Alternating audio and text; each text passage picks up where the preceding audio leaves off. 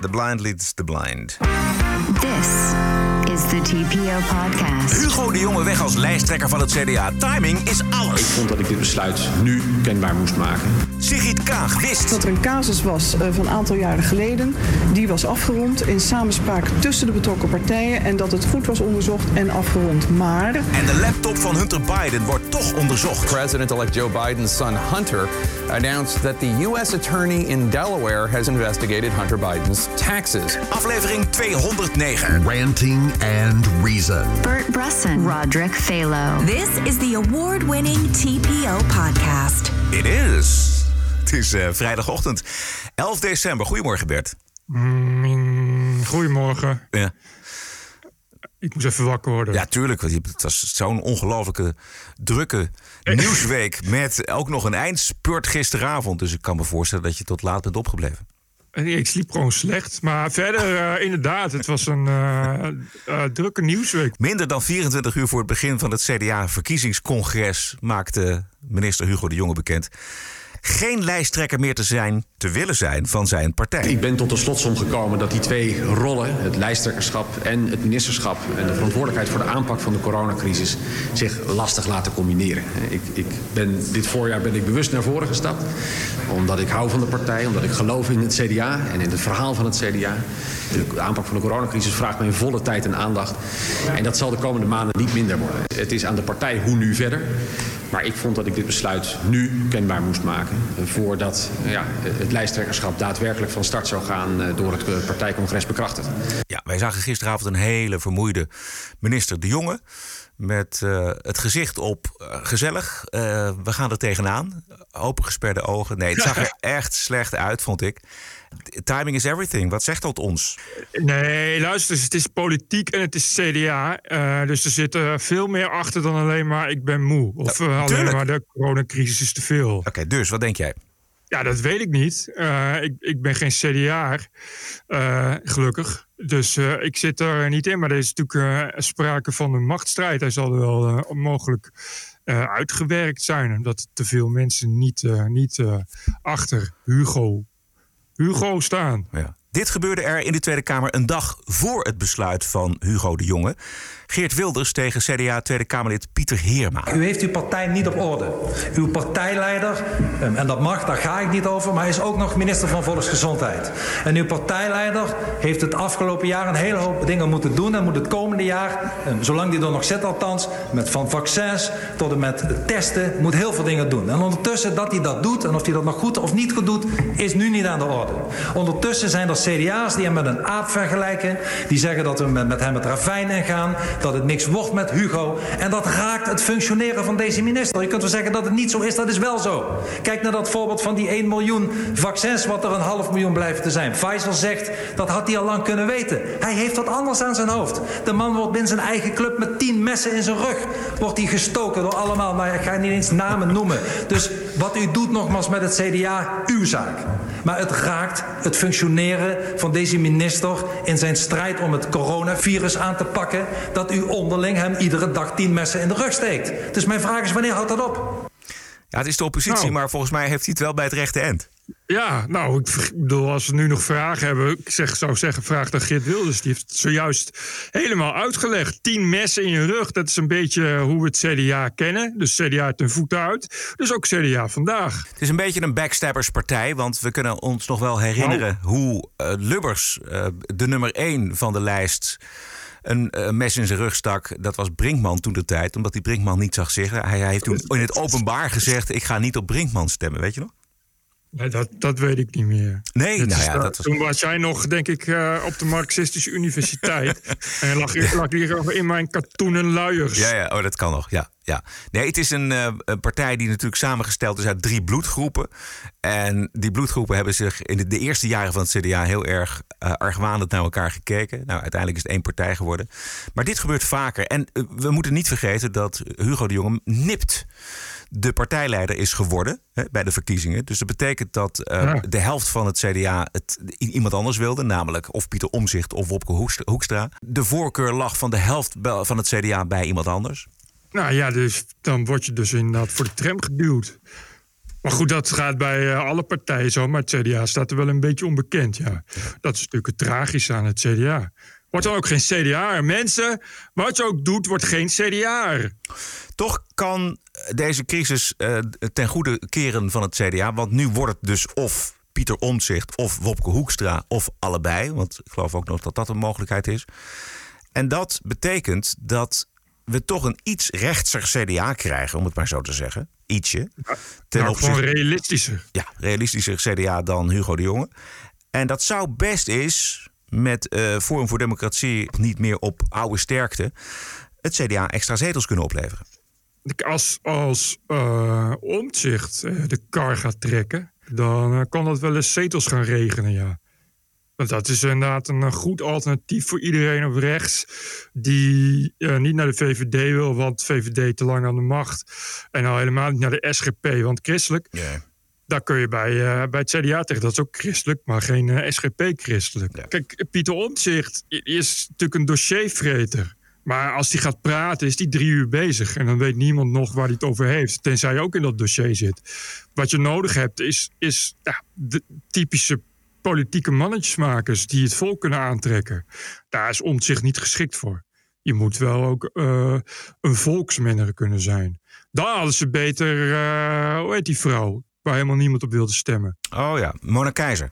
Ja, hadden ze beter Mona Keizer kunnen hebben. Die is dan weer goed. Die heeft dat, dat typische, ja, dat typische CDA-populisme. Mona Keizer is om een, nog een andere reden heel, een goede keuze zijn. Namelijk dat ze de hele campagne van eh, Sigrid Kaag om zeep helpt. Want CDA maakt wel degelijk kans om eventueel de grootste te worden. In ieder geval meer kans dan D66. Maar dat is wat je zegt. Kijk, CDA is in Nederland altijd de grootste partij geweest samen met PVDA. Ja, vroeger. Ja. Vroeger, nou vroeger, maar dat, die potentie is er nu nog, omdat Nederland is 8 miljoen mensen CDA. Weet je? dat, die kunnen wisselen naar PvdA of naar wat anders. Maar wat CDA belichaamt is, is de Nederlandse, uh, Nederlandse poldermentaliteit. De middelmatigheid, de gezapigheid. Dit zijn in Nederland 8 miljoen rijtjeshuizenbewoners. Dat is CDA. Dus die potentie is altijd. En als je dan iemand hebt die daar tegenover kan staan, kan dat heel groot worden. Dat zag je, dat zag je bij Balkenende. Balkenende was iemand die dat als geen ander besefte. CDA-voorzitter Ploem die gaat vandaag duidelijk maken hoe het nu verder gaat met het lijsttrekkerschap van het CDA.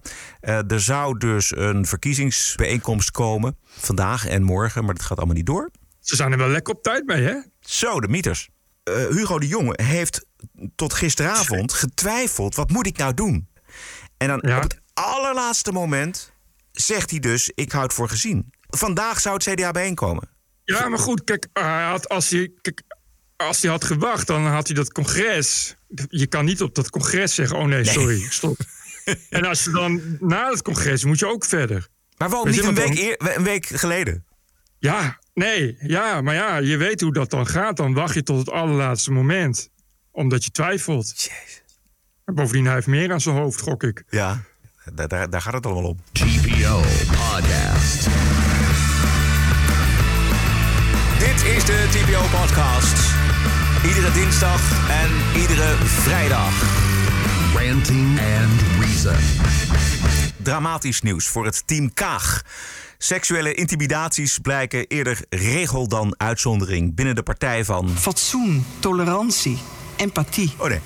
Brief van de anonieme klokkenluidster leest als een horrorverhaal met een hoofdrol voor de chef vrouwelijke talenten en belangrijke adviseur van partijleider Sigrid Kaag. De moraalridders blijken zelf de grootste schoften. Telkens maar weer. Had dat verwacht? Je vermoedt het altijd, precies hoogste regionen van de fatsoenlijkste fatsoensclub, de fatsoenlijke, dat het daar toch als hardste misgaat. Wie had dat nou toch weer verwacht? Dat er binnen een partij als D66, een mannetjesmakerspartij, dat daar vieze mannetjes zitten die hun worstenvingertjes niet van de stagiaires kunnen afhouden. Wie had dat nou verwacht? Een partij als uh, waar Alexander Pechtold zit, waarvan we allemaal weten... zijn ranzige verhaal uitgesmeerd over de tabloids hebben kunnen lezen... inclusief gedwongen abortussen en een bijvrouw uit de D66 gelederen... wat dus met de mantel der liefde moet worden bedekt. En daarom komen daar altijd de allerergste MeToo-verhalen vandaan. Dat is het hele probleem. Ja, maar dat is wat ik zo fascinerend vind. Dat je denkt het altijd, want het zijn altijd de moraalridders. Dat je denkt van ja, ja, ho, ho. Ja. ja je, het is makkelijk praten, maar uh, hoe zit dat eigenlijk uh, binnen de eigen gelederen? Het, je ziet het bij religies gaat het mis. Je ziet het bij alle moraalridders gaat het mis. De mensen die op het hoogste morele paard zitten, dat zijn de mensen die je in de gaten moet houden. Want die zijn zo hypocriet als de neet. Dat is altijd ja, zo. precies, dat, het is altijd zo, ja. En dat weet je. Je weet dat gewoon. Ja. Je weet gewoon... La, laatst even... Dat is geen D66, maar dus... Uh, uh, een van de belangrijkste anti-homorechten uh, uitsprekers in Hongarije... in het Europarlement... was betrapt op een homoseksuele gangbang. Ja. Je, je weet gewoon dat het zo is. Dat is... Ik weet dat... Uh, in de VS, dat is al twintig jaar geleden volgens mij, had je vader Ted Haggard. Ted Haggard was een, uh, een uh, born-again Christian pastor en die was ook adviseur van destijds George Bush. Je begrijpt dat Ted Haggard uitgesproken tegen homoseksualiteit en drugsgebruik was. Ted Haggard werd op een dag betrapt terwijl hij crack aan het roken was met een homo-escort. Je weet, ja. je weet dat er binnen die fatsoenspartij als D66.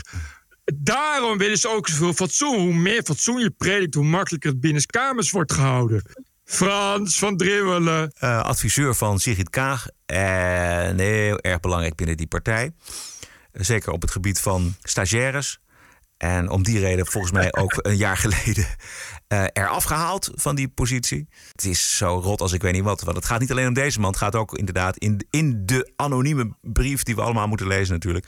Wordt ook gerept over inderdaad Tweede Kamerleden. Het deugt voor geen kant daar. Ik ben bij mijn aantreden uh, uh, begin januari heb ik gevraagd of er nog uh, zaken speelden waarvan ik wellicht moest weten. Toen is mij geïnformeerd dat er een casus was onderzocht een aantal jaren geleden. Was dat deze casus? dat kan deze casus zijn dat er een casus was uh, van een aantal jaren geleden. Die was afgerond in samenspraak tussen de betrokken partijen en dat het goed was onderzocht en afgerond. Maar het bericht van gisteravond geeft mij te denken en ik heb dus in overleg ook met het partijvoorzitter gezegd er moet een extern onderzoek komen. Er gaat nu een bericht uit ook naar de vereniging. In haar brief schrijft ze ook het is algemeen bekend dat een aantal Tweede Kamerleden, oud-partijleiders en machtige strategen achter deze leiders zich veelvuldig storten op stagiaires en vrouwen met ambitie binnen de partij. Dus het gaat verder dan alleen deze persoon. Het wordt gesteld in de brief en daarom is het belangrijk dat er een onafhankelijk onderzoek komt. Maar heeft u daar ik nooit herken van gehoord? Dit, uh, ik herken dit beeld absoluut niet. Maar wat je zelf niet herkent, dat wil niet zeggen dat het een ander niet per se overkomt. Maar Dit is er zijn- nooit iemand naar u toegekomen? Ik heb, niemand heeft mij benaderd, maar daarom is het zo belangrijk dat ik zeg dat ik een oproep heb gedaan. Als er iets is, meld je aan.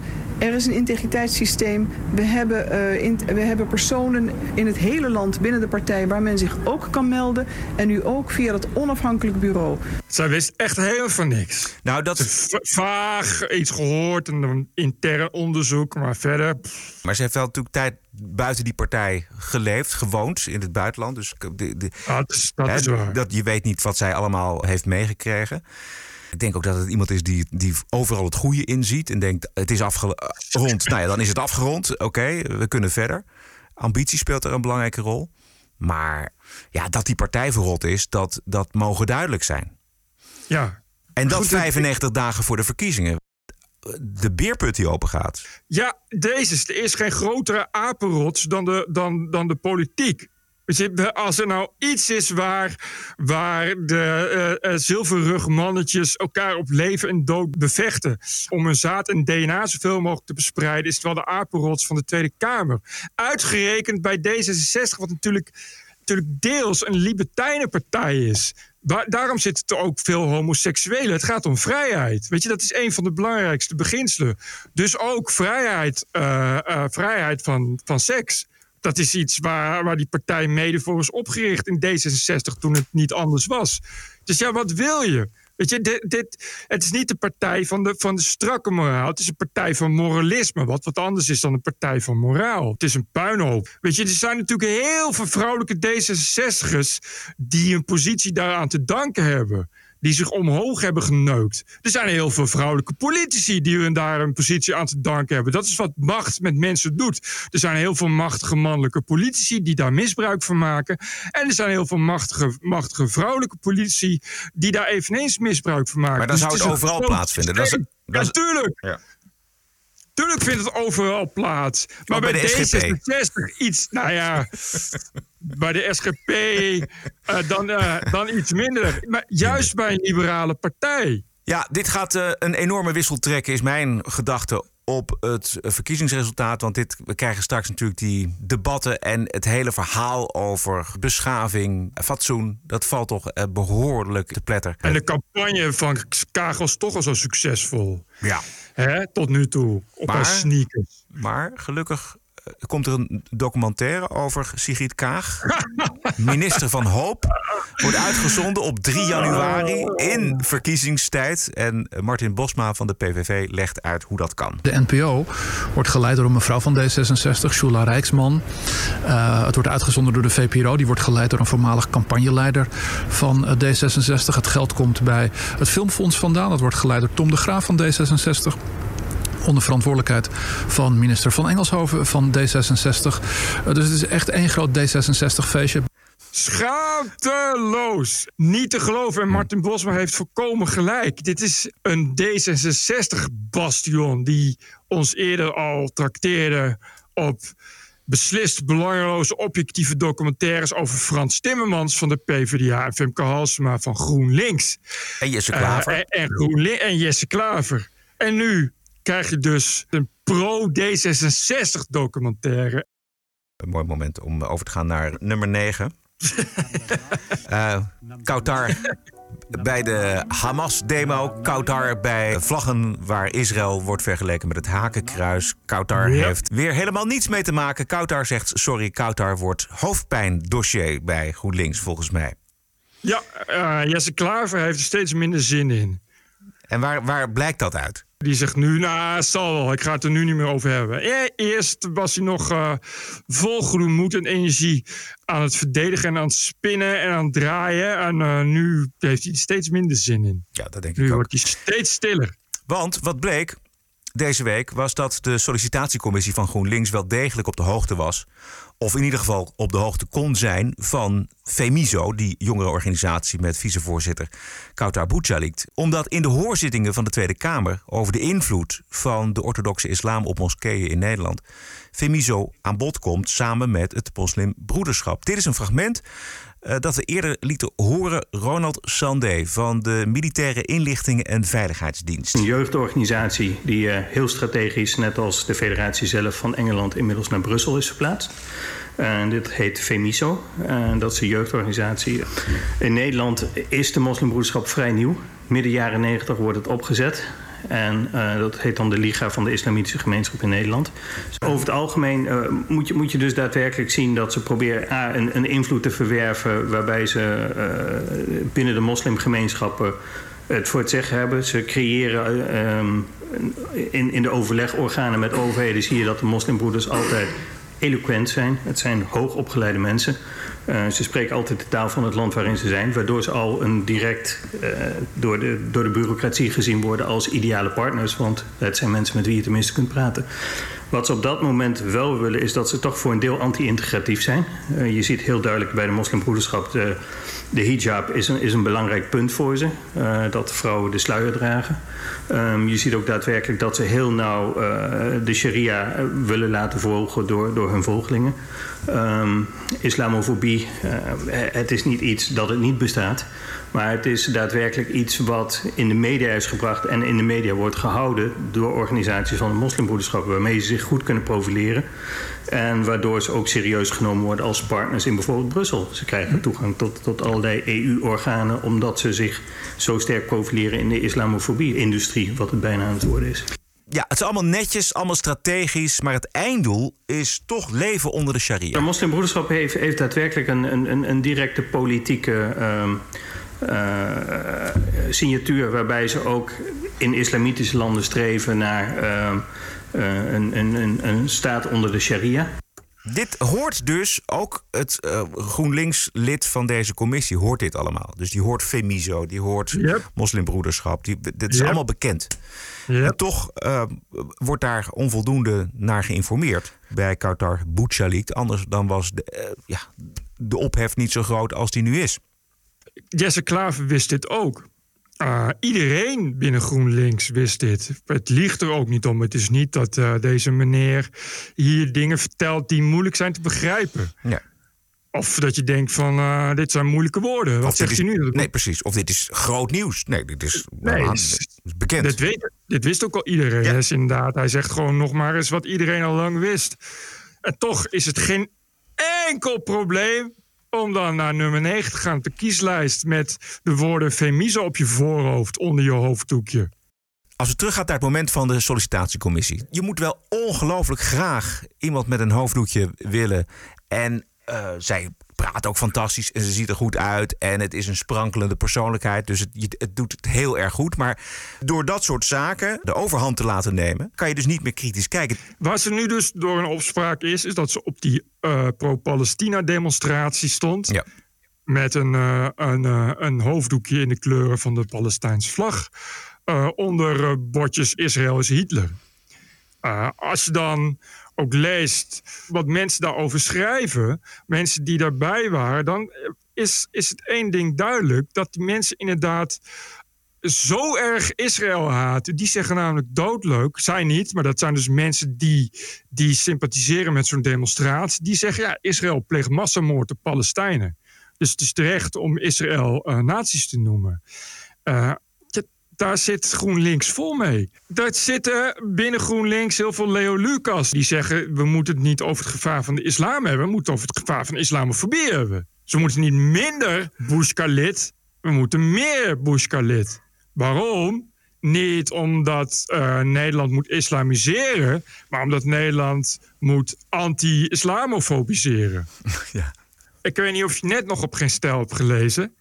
Dat blijkt dat Bush-Khalid in maart 2018 een stemadvies heeft gegeven op het Rotterdamse NIDA. Een uitgesproken pro-islampartij. Sterker nog, Bush Khalid heeft op Facebook uh, een verhaal geliked van iemand van NIDA die zegt dat Jesse Klaver een schurk is en laf is omdat GroenLinks destijds met samenwerking met NIDA in Rotterdam opzegde, omdat NIDA had gezegd dat Sionisme gelijk staat aan ISIS. Ja. Dat vond GroenLinks niet leuk, dus stapte GroenLinks eruit. Ja. Een schurk of laf? Bush Khalid heeft dat uh, geliked met een duimpje. Ja, en heeft daarna ja. ook nog eens gezegd... Uh, nou, als ik in Rotterdam woonde, had ik het geweten. En dat is dus onder ook weer boven een post van Abdelkarim El Fassi... wat een niet-daar is. Ja. Boven een post waarop hij zegt... dank voor de immense steun. En dan zie je een foto van NIDA-leden die... Uh, ik weet niet, dat is uh, een Rabia-gebaar. En dat is dus vier vingers omhoog met je duim naar beneden. Ik weet niet wat dat betekent, maar Erdogan maakt ook de hele tijd dat gebaar. Dus dat kan weinig goed zijn. daar staat Bush Khalid helemaal achter. En dat is nu dus ongeveer elke dag komt op het extreemrechtse geen stijl een scoopje naar boven. Waarop blijkt dat die Khalid in het verleden helemaal niet zo radicaal voor gelijkheid is. Nee. Oké, okay, we wachten eventjes af het besluit van uh, Jesse Klaver. TPO Podcast. Deze week ging het in de Tweede Kamer ook onder meer over het wetsvoorstel van D66 om het lidmaatschap van de Europese Unie in de Nederlandse grondwet te verankeren. Hm. En daar is maar één reden voor, namelijk dat D66 bang is dat de Nederlandse bevolking er misschien nog wel eens uit wil. Bijvoorbeeld als blijkt dat de Europese superstaat nog steeds geen democratische legitimatie heeft.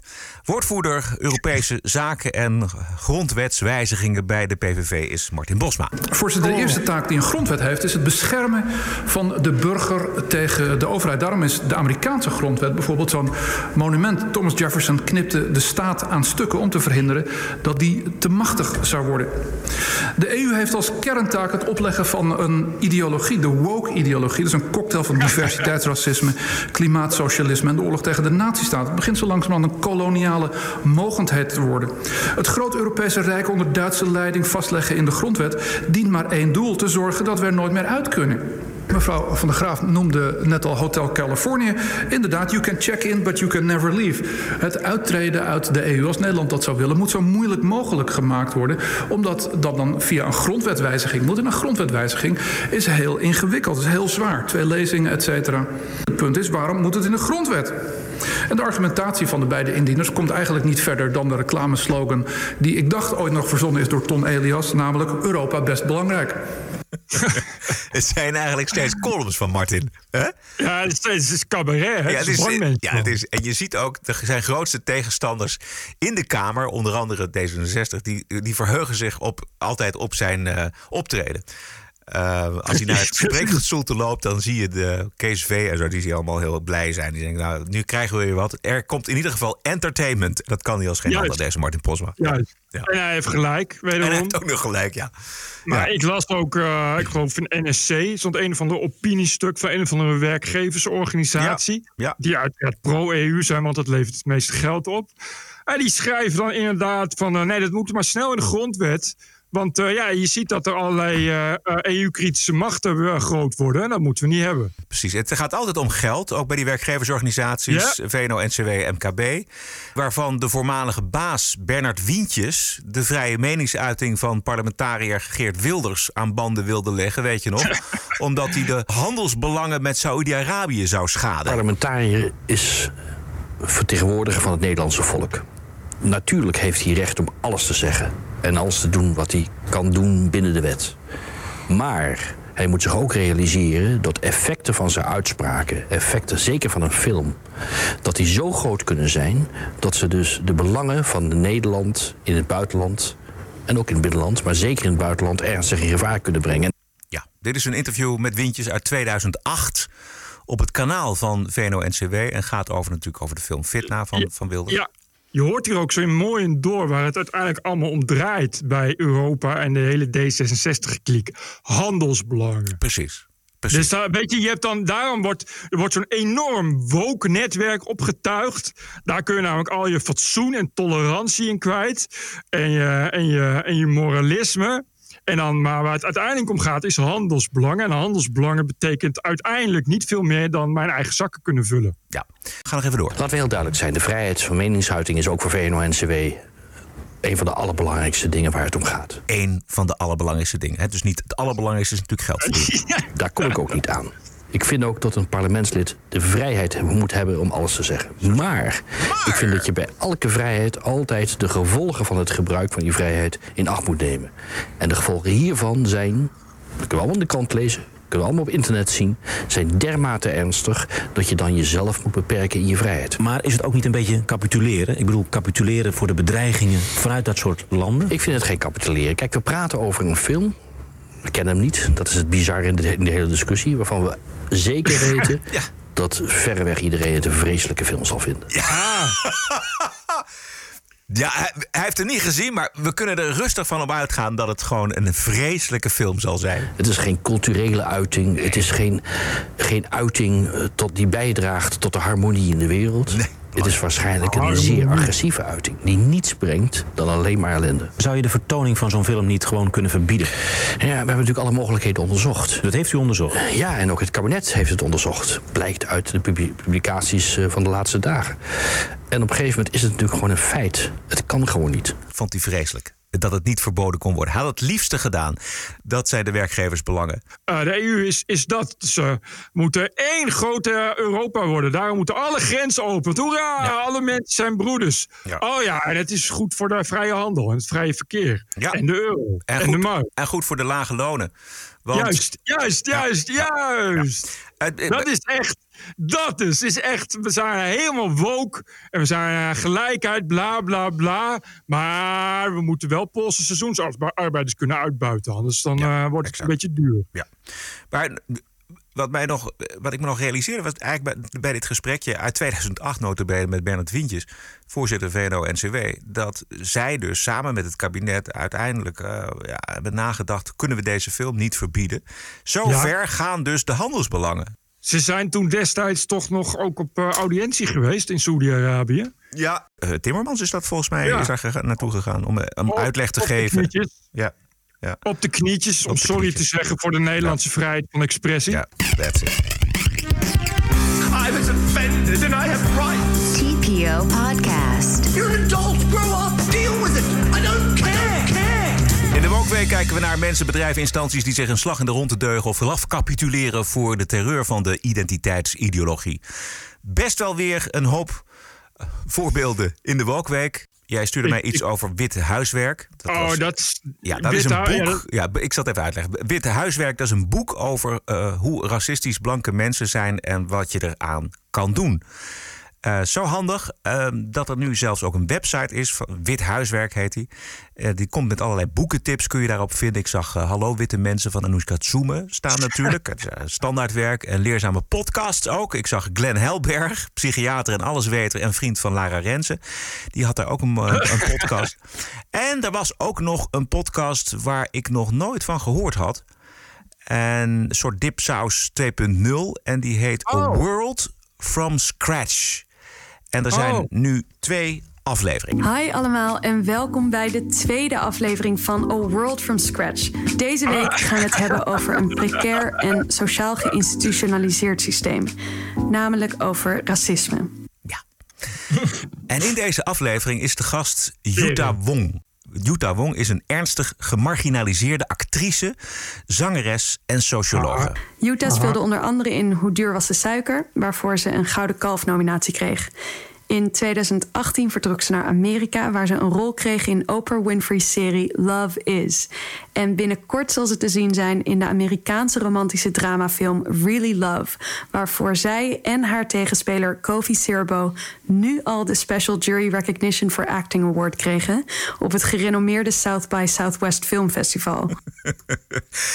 Totaal weggemarginaliseerd, deze, deze actrice. Vreselijk, wat een discriminatie. Ja, ja, Zouden, ja. Ze zouden daar een award voor moeten instellen. Ja. Nou, Bert, je weet hoe ik gecommitteerd ben aan deze podcast. En echt op zoek gaan naar iets waar we iets van kunnen maken. Mhm. Maar dat is ongelooflijk lastig bij deze podcast geweest. Je kunt nog beter een samenvatting maken van de Dipsaus podcast... dan, dan ook maar één quoteje uit deze podcast halen... waar een touw aan vast te knopen is. Dit is de, de toon en de teneur van het gesprek. Het is inderdaad die 360 identity van iemand de ruimte geven om te laten bestaan. In elke space, in elk domein. Hoe, hoe beïnvloedt dat nu de keuzes die je maakt in rollen die je aanneemt? Of Het is zo ontzettend belangrijk, vind ik persoonlijk, dat ik mezelf in de spiegel aan kan kijken. ehm, wetende hoe belangrijk beeldvorming is.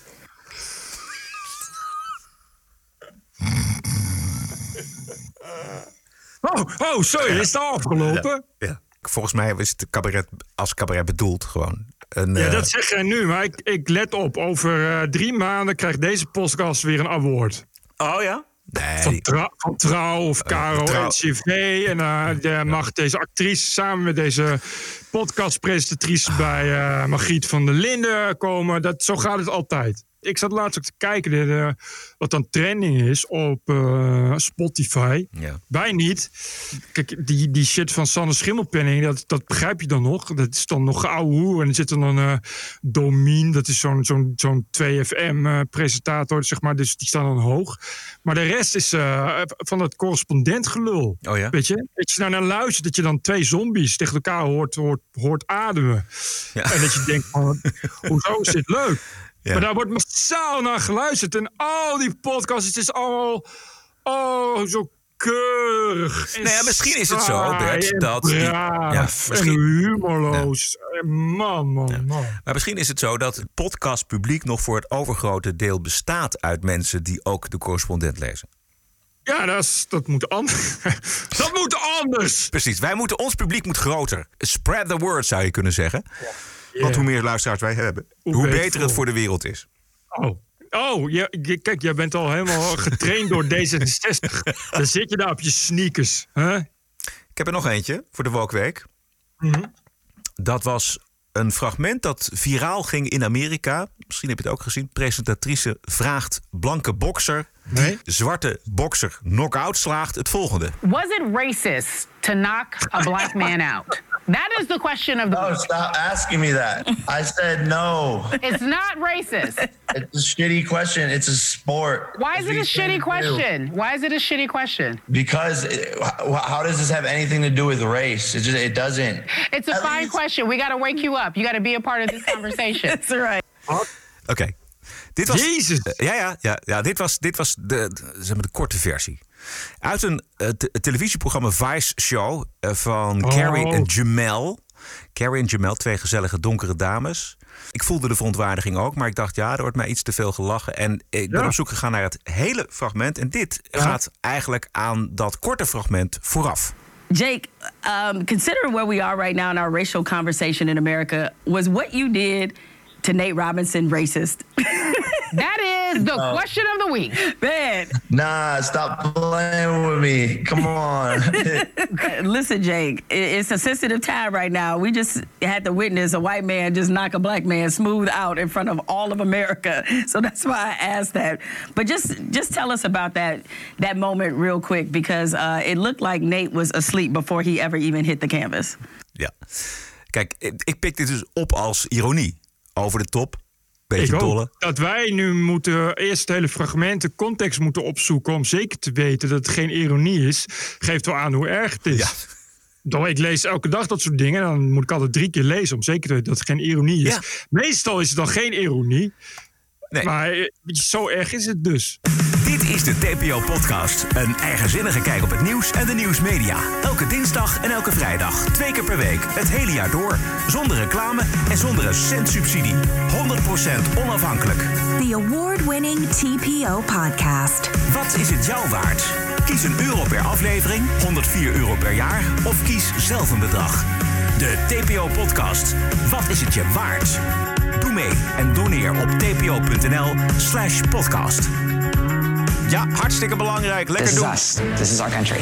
This is CNN breaking news. I believe that the president is literally an existential threat. Stop the hammering out there. Who's got a hammer? Make America great again. New York Times and CNN have also smeared veterans like myself. This video was taken during a heated exchange with an unidentified man who called Cuomo Fredo. Stop the hammering. This is the TPO podcast. News 630 WMAL Washington. Ja, we gaan eh, vanaf 20 januari een nieuwe jingle draaien. Ten aanzien van het eh, nieuws uit Amerika. Eh, Bert, het is even stil geweest rond Joe Bidens zoon Hunter Biden. We weten van de laptop natuurlijk. We weten van de foto's en van alle andere duistere deals... die hij al dan niet eh, met medeweten van zijn vader sloot... met duistere zakenmensen in Oekraïne en in China. Het New York Post verhaal is dat... Amerikaanse fiscus gaat nu toch onderzoeken. Dit is CNN. President-elect Joe Biden's son Hunter announced that the U.S. attorney in Delaware has notified his lawyer that the U.S. attorney has investigated Hunter Biden's taxes. Uh, what we know is that this is an investigation that goes back again to 2018 and has been looking at everything from uh, from taxes to potential violations of money laundering laws, and it has to do, Jake, with Hunter Biden's business activities in China. Now, uh, in particular, there was an episode uh, that happened in 2017 where uh, Hunter Biden had a meeting with a Chinese businessman by the name of Ye Jianming. And at the end of that meeting, Hunter Biden goes back to his hotel room and he receives a 2.8 carat diamond from, uh, from Ye, from Mr. Ye. Ongelooflijk. Dit is zaken doen van de familie Biden. Ja, en, maar nu ineens wel. Nu ineens zit CNN erop. Juist, juist. Dat die reguliere media eh, totaal niet geïnteresseerd eh, waren in dit verhaal. Dat had natuurlijk alles te maken met de verkiezingen. En het argument was steeds, eh, Bert, dat de laptop is gehackt en dat daarom er geen bewijs is. Ja, moet eh, Twitter dit verhaal niet onderdrukken en censureren? Schrijven 25 oktober, dus dat is eh, ruim twee weken voor de verkiezingen. Luister hoe een woordvoerder van de Republikeinen, Liz Harrington, afgelopen oktober nog probeert aan te kaarten bij Christiane Anampour op CNN. The FBI says this laptop is not Russian disinformation. So what are you talking about here? This laptop is real. It's not just the laptop. There's other emails. There's text messages. They are real. So according to the Guess U.S. what? government, the I know FBI that you're trying has to verified move this. everybody to look at that, but that's not what we're hearing from Why the don't FBI. you want to report But this? what- this is the one of the what- most no, powerful Liz- families in Washington. Liz, the Liz- Biden family, and you're okay. You're okay with our interests being sold out to profit uh, Liz- Joe Biden and his family when when we're suffering during a pandemic from communist Yes, China. He's doing shady business absolutely. deals Liz, with as you know communist China. You're well- comfortable, okay? As, as you know perfectly well, I'm a journalist and a reporter, and I follow the facts. And there has never been any issues we in terms this. of corruption. Now, let me ask you this. Yesterday, the Wait, FBI, wait, wait, the. FBI, How do you know and that? I'm talking about reporting and any evidence. I'm talking to you now. Okay, to I would love if you guys would start doing that digging and start doing that verification. No, we're not going to do your work for you. I want to ask you a question. The FBI, It's a journalist's contrary, job. It's a journalist's contrary job to what to, to President find out if this is verified. Dit was het verhaal wat Biden eh, zijn presidentschap had kunnen kosten. Ja, maar er was geen sprake van corruptie. Echt niet. Helemaal niet. Bij Trump was er sprake van alles. Vier jaar lang, 24 uur per dag, Precies. elke dag.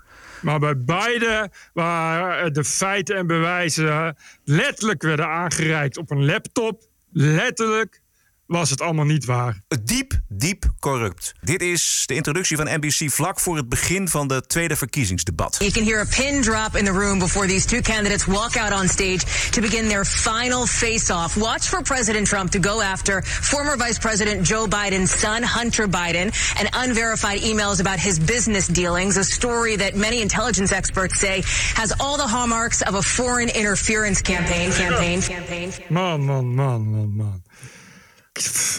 Het is zo vies. Het is zo vies en het is zo ziek, jongen. Die, die, die journalistiek in Amerika is zo kapot gewoon. Democracy dies in darkness. De FBI gaat er eh, achteraan. Ze gaan kijken wat er aan de hand is. En volgens mij, zo gaat het vaak in Amerika. Als helemaal een onderzoek begint, dan komt er ook een hoop naar boven. En ze zullen ook een keer Ja, terechtkomen bij Joe Biden.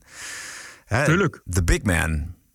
Maar dan is hij alweer dood en zit Harris er. Nou ja, dat zou best kunnen dat het zo gaat. Ik bedoel, eh, verrassingen genoeg in petto. En, en dan nog, dan kan hij dus eh, aftreden en dan zit Harris er. Ja, exact. Nee, dat, dat eh, kan Dus, dus gebeuren, ja. voor de Democraten is het allemaal gelopen koers. Dus nu maakt het allemaal niet uit. Ik heb alleen nog een bonusquote. This is the TPO podcast. Ja. Andere mooie podcast is eh The Glenn Show van Glenn Laurie en John McWhorter. Twee zwarte Amerikanen die het eh, Black Lives Matter protest doorprikken tot wat het eigenlijk is. Eh, namelijk goedkope marxistische, racistische shit. Ja. Waar journalisten in hun wokeness modieus achteraan lopen. Dit is Glenn Laurie speciaal voor hun. I'm tired of it. I'm tired of being imposed upon by mediocrity and second rate people who happen to have brown skin. Have you seen the violent, uh, upsurge in violence going on in the cities around this country? Bodies are mm, uh, piling up. These professional blacks have got nothing to say about it. And moreover, they don't know anybody who got killed. They haven't put a microphone in front of a grieving mother at a funeral where there's a little coffin because it was an eight year old in front of a storefront Pentecostal tambourine banging church. They haven't been there. They're supposed to be journalists and they busy themselves with shit like the 1619 Project. And they don't present themselves at the most fundamental juncture of pathos and loss that is in the black experience today. They have nothing to say about it. Let George Floyd get killed, and then there is a cause célèbre and a national movement. Let a hundred or a thousand of these kids drift off into uh, oblivion, and there's not a mumbling word. And I'm tired of it. Ja. George Floyd is symbolischer belangrijker dan alle zwarte doden die er sinds zijn dood zijn gevallen in de Amerikaanse steden. Yeah. New York Times gaat eh, aandacht besteden aan het slavernijverleden. En zwart met een hoofdletter schrijven. En meer tijd en aandacht besteden aan witte schuld. dat is belangrijk. veel belangrijker, Bert. De TPO-podcast is te vinden op iTunes en Spotify en Soundcloud. En natuurlijk ook op tpo.nl. zeer veel dank voor de ondersteuning van deze aflevering 209. Post kan naar info.tpo.nl en waarderen kan op tpo.nl slash podcast. We zijn terug dinsdag 15 december. Ja, ik eh, hoor het wel wanneer ik word vervangen door een eh, zwarte transgender. Stay cool. Tot dinsdag. TPO Podcast. Bert Bruson, Roderick Balo, Ranting and Reason.